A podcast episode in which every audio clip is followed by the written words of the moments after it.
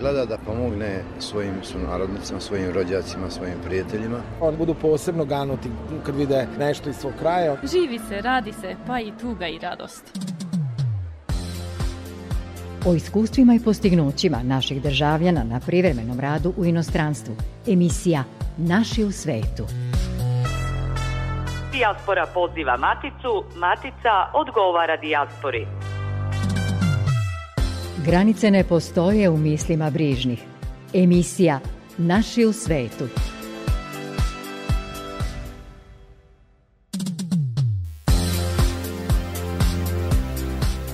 Poštovani slušalci, dobro vam veče. Pozdravljamo sunarodnike širom sveta, čijim je uspesima pre svega namenjena i ova emisija. U naredni pola sata pričamo o našim mladim stonoteniserima koji su sa svojim trenerom bili na turniru u Švedskoj, gde su se susreli sa članovima naše tamošnje zajednice. Vratili su se puni utisaka, a o tome će nam više reći učiteljica Nada Banjac, koja je bila i stručni vođa tima. Inače, naša zajednica u Švedskoj je poznata, naročito po svom humanitarnom angažmanu. Čućemo i koje nove planove za povezivanje matice i dijaspore imaju u vladi Srbije.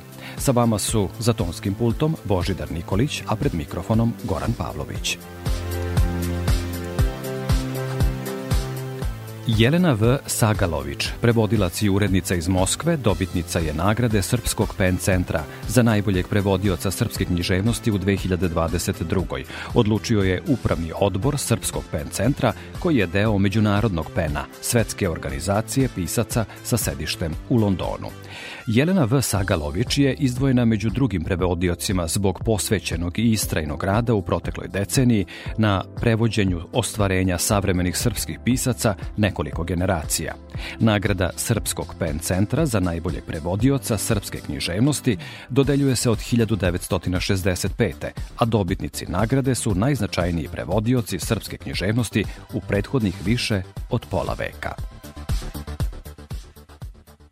Vežu nas događaj, misli, kultura i tradicija.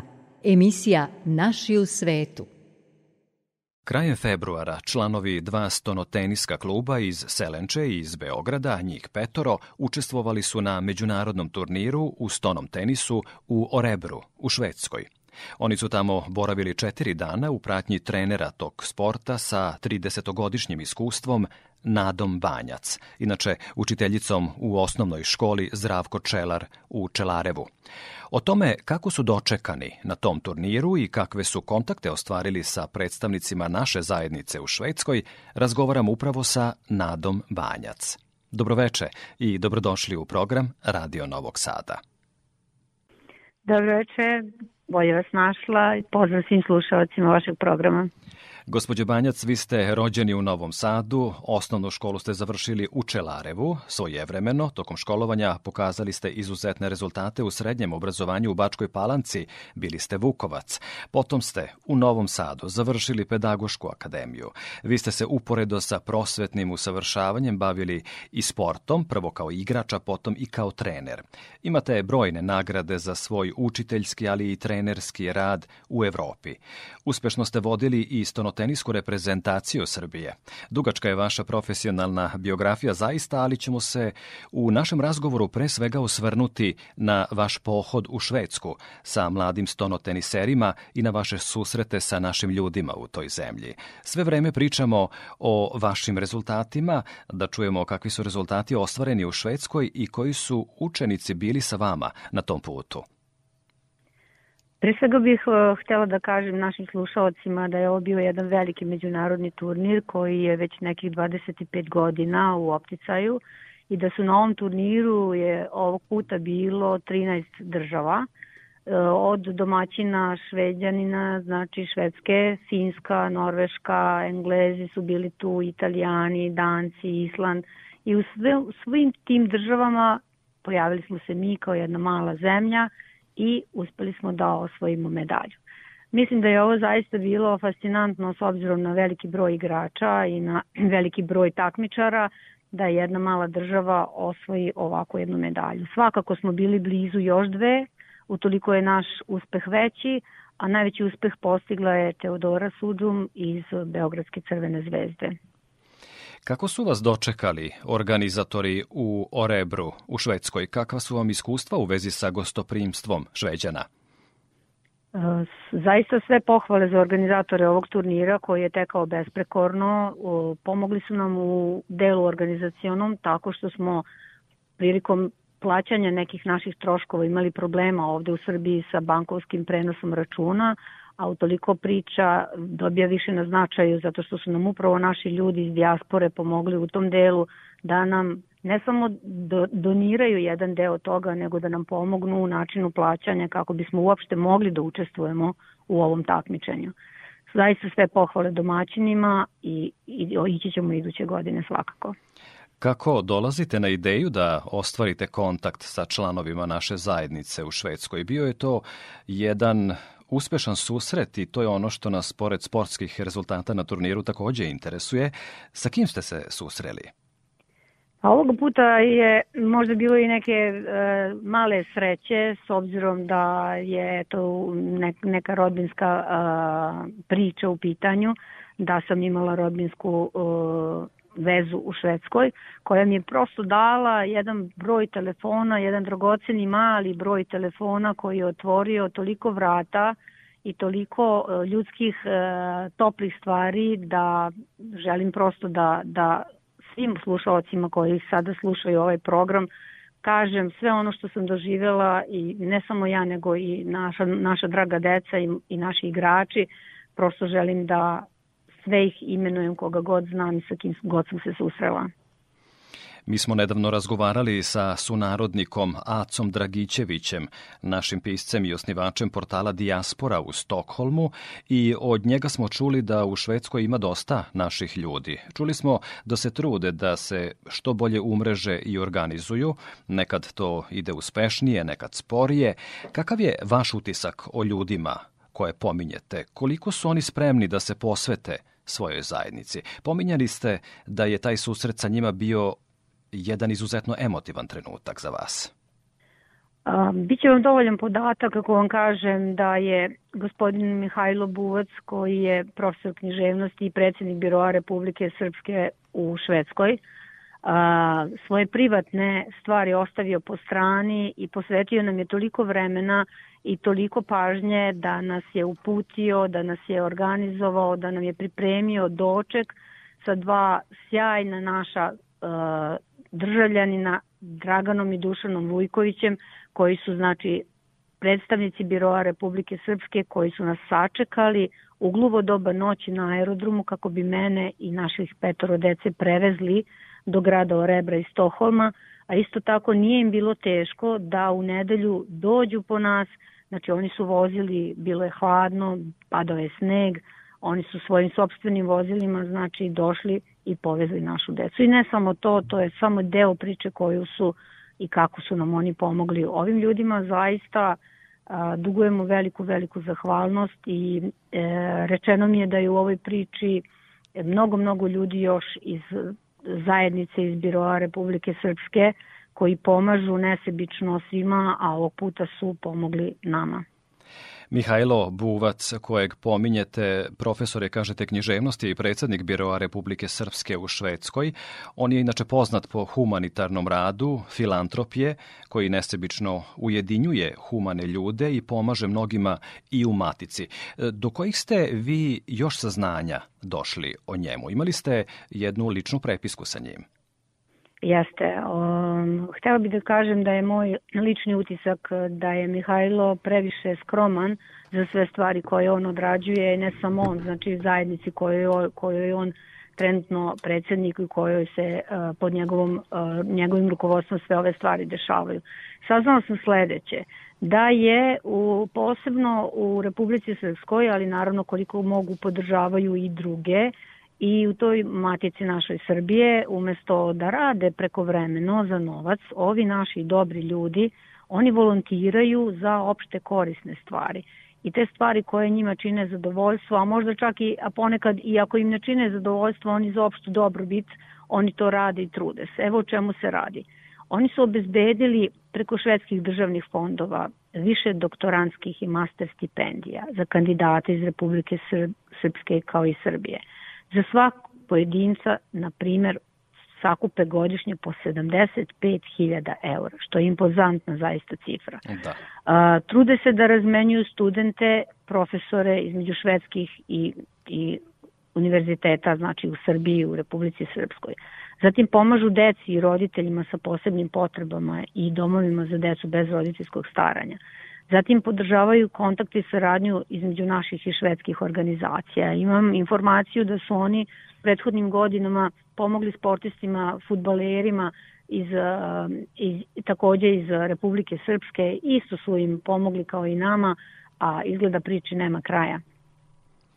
Iz perspektive nekog koji je iz Matice dakle bio u kontaktu sa našim ljudima u Švedskoj, kako biste gospođo Banjac ocenili vašu posetu toj zemlji i susret sa našim ljudima iz perspektive sportskog, ali i prosvetnog ugla? Koji su benefiti recimo za budućnost?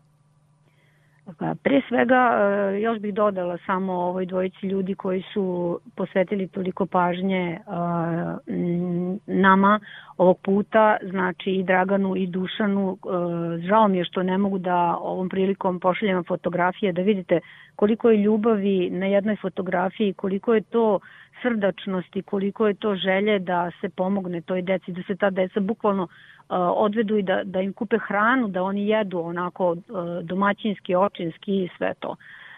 Saradnja koja je benefit za budućnost, ja s obzirom da radim u školi i da sam u dodiru sa svim učbenicima i sa svom problematikom obrazovanja i vaspitanja dece, ono što i gde vidim šansu za, za dalju saradnju ovde je moj domen.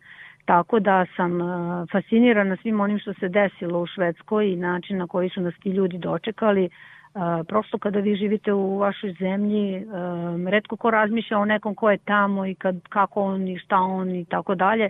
Međutim, ovog puta sam ja imala ulogu da, da, da sa ove strane duge vidim kako to izgleda sa, sa one strane duge. Jel? I prosto sam videla način da uh, ja kao učitelj i ja kao prosvetni radnik pokušavam da ovu našu nit e, srpstva i svega toga i obrazovanja utkam sada u našu zajedničku neku saradnju putem raznih oblika, a o tome ću vam reći e, kako. Znači, s obzirom da je bukvar naša prva knjiga, jel, Ćirilica, Ćirilično pismo, A, Mihajlo i ja smo pričali puno puta i vezali smo sada ne, a, našu tematiku gde se insistira na toj ćiriličnoj upotrebi slova, čitanja, pisanja. I s obzirom da su nekada davno izlazile te knjige u okviru Zavoda za izdavanje učbenika, sada su se pojavili mnogi izdavači raznorazni, raznovrsni, Uh, mi ćemo odabrati zajedno, Mihajlo i ja, štiva, lektire, bukvare, način šta odgovara toj deci. Povezat će me sa učiteljicom koja radi tamo i jednako kao sa vaspitačima, s obzirom da je od gospodina Dragana su čerke vaspitači takođe. Znači, postoji mnogo, mnogo načina na koji ćemo mi ovu saradnju da nastavimo. Pošaljite nam, molim vas, neke od fotografija koje ste zabeležili dok ste gostovali kod naše zajednice u Švedskoj, a mi ćemo ih rado objaviti na Facebook stranici emisije Naši u svetu RTV. Mali bar na kraju grada, namerno sam došla sama, ulična se svetla pale ko od šale Usne dajem ti sad. Tvoj parfem i cigarete misli lete Hej, za srce se prsti lepe Hej, samo vozi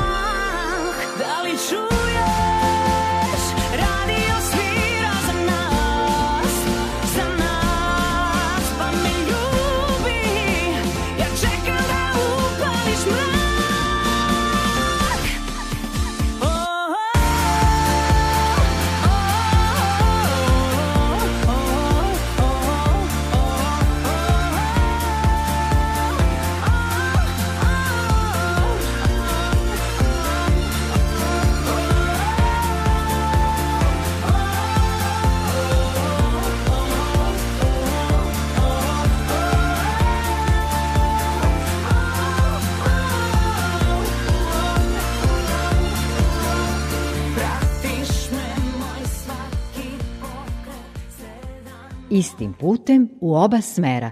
Emisija Naši u svetu. Učiteljicom osnovne škole Zdravko Čelar iz Čelareva i istonoteniskim trenerom Nadom Banjac. Pominjali ste, gospođe Banjac, da ste podstaknuti izvanrednim susretom sa našim ljudima u Švedskoj i sami došli na ideju da tu dobrodošlicu koju su vam priredili i uzvratite kroz razmenu školaraca između dve zemlje.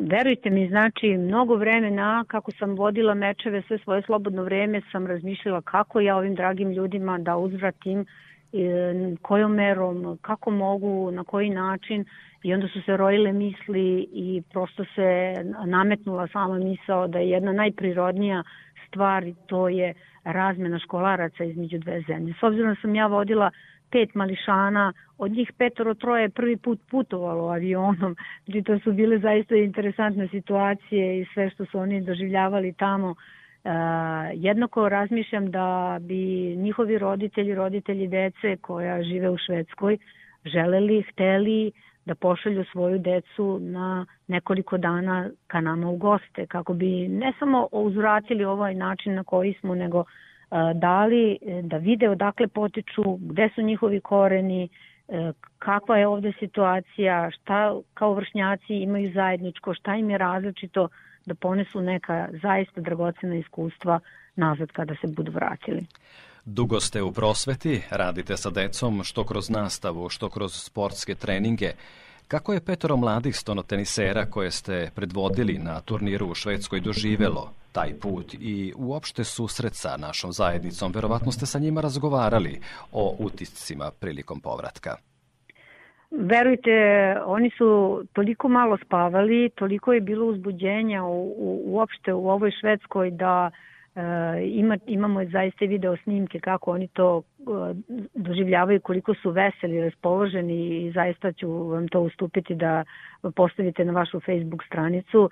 Jednako kao što su deca doživelo ovo, doživeli su njihovi roditelji. Ja zaista ne mogu, a da vam ne prosledim i utiske roditelja, dobit ćete od mene ih napismeno šta su rekli roditelji i dobit ćete uh, jednako kao uh, i Biro Republike Srpske dobit će e-mailom zahvalnice od strane oba kluba i način na koji su to doživjeli roditelji. Prosto poslati decu prvi put u neku stranu zemlju, avionom leteti, a da ih dočekaju ljudi koji su im e, kao rođaci, kao e, deo porodice. Mi smo se osjećali, verujte, kao da smo 100 godina bili zajedno, kao da je to jedna porodica. Eto, to su uspeli ti ljudi da urade za nas.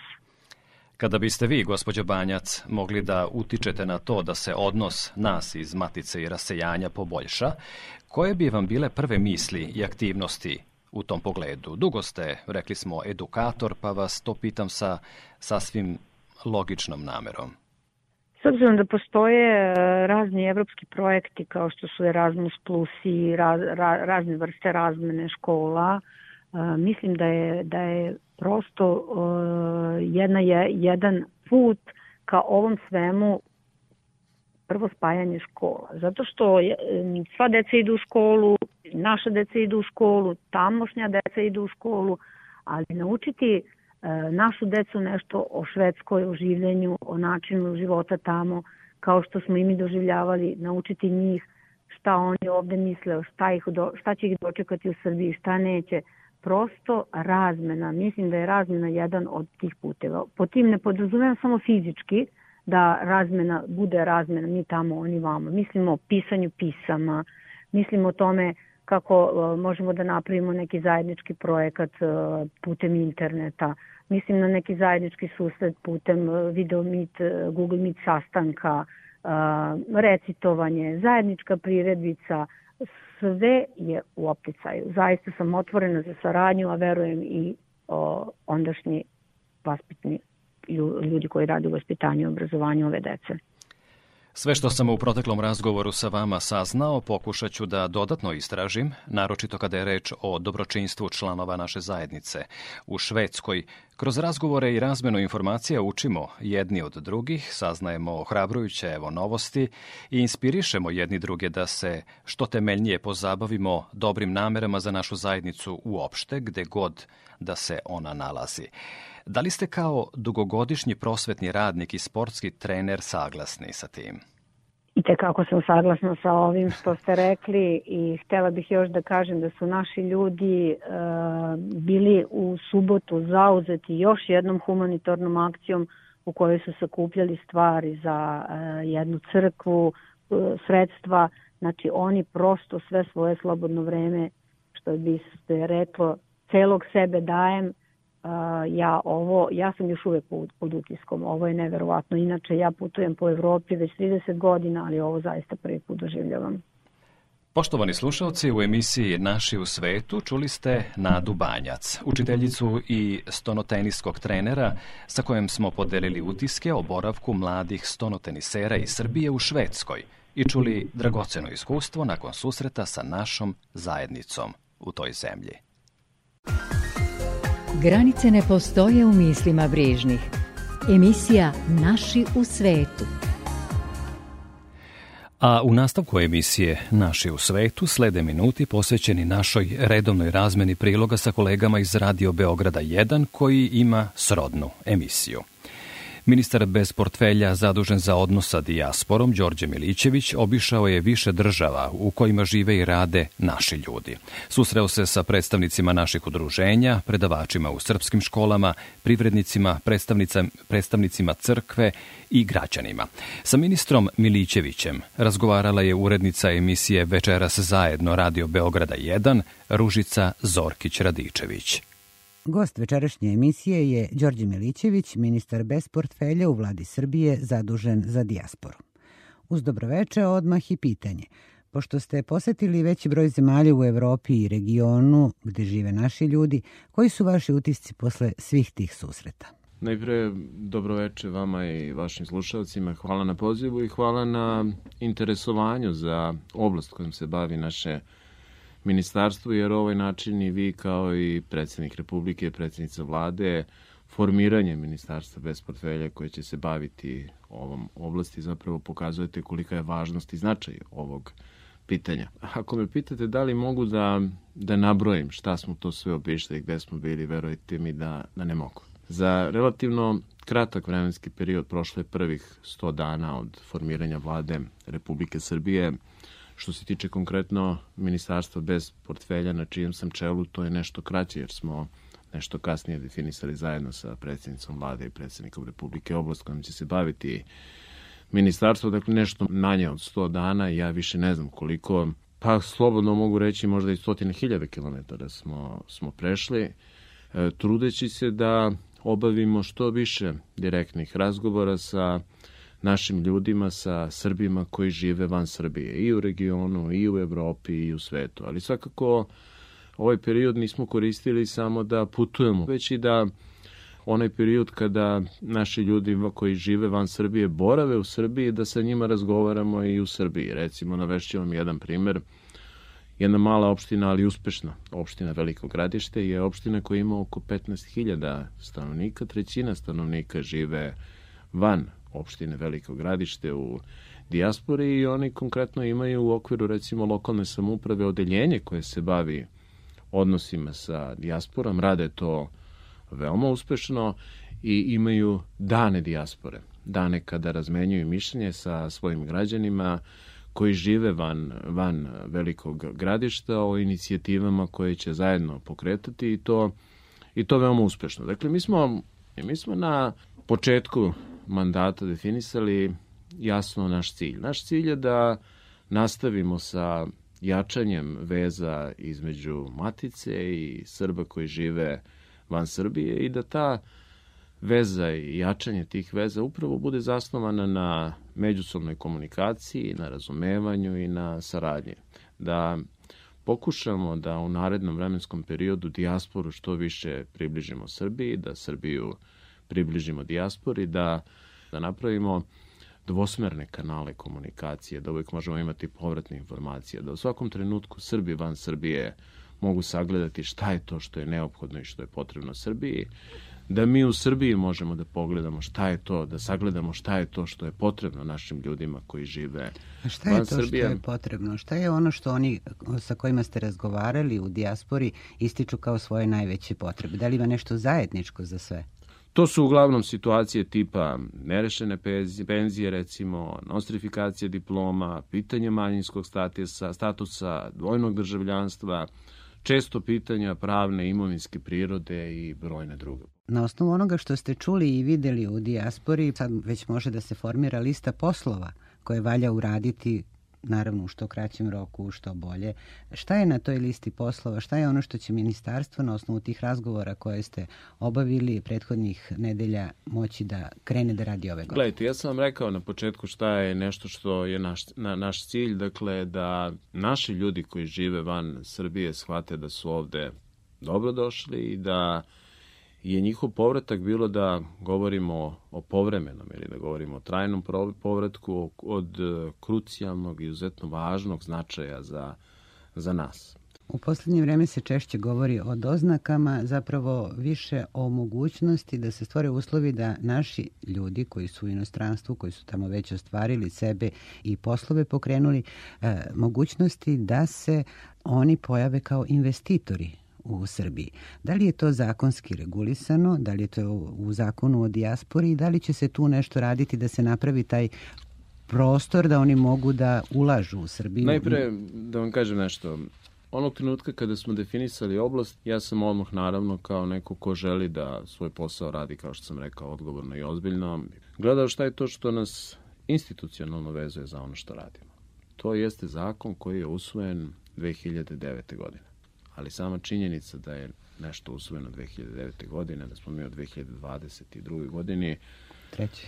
2023. prostite godini, govori vam da je taj zakon, zakon anahron i da ga treba prilagoditi sadašnjem vremenu. Naravno, ja sam već o tome govorio da, ćemo, da ću razgovarati i sa predsednikom Srbije Aleksandrom Vučićem i sa predsednicom vlade Republike uh, Srbije, obzirom da smo mi u ovom trenutku ministarstvo bez portfelja koje ne može da radi na nacrtu zakona, ali može da pokrene svakako inicijativu saglasnost predsednice vlade, da ćemo pokrenuti inicijativu koja će ići u pravcu izrade novog zakona o dijaspori Srbima u regionu, kako bi upravo pokrenuli jednu široku javnu raspravu u kojoj bi učestvovali, kao što sam rekao, sve one krovne organizacije srpskih udruženja u dijaspori, a da suštinski cilj zakona bude, kao što sam rekao, nastavak jačanja veza sa maticom kojim bi bio zasnovan i na međusobnoj komunikaciji, i na razumevanju, i na saradnji. 28. juni je inače dan dijaspore, Vidovdan je dan dijaspore, ali obzirom da je 28. jun, vi znate, praznik koji se obeležava i na nacionalnom državnom nivou, da će biti siguran sam i državnih dešavanja, mi ćemo napraviti sve srpski sabor. To je nešto što nije desetinama godina unazad urađeno i učinjeno u Srbiji. Šta nam je cilj? Cilj nam je da sva udruženja, ali ja ne kažem da ćemo moći sva, ali ćemo se truditi da to bude što više. Da sva udruženja, sve organizacije koje okupljaju Srbe van Srbije, okupimo ovde u Beogradu posle toliko dugo godina.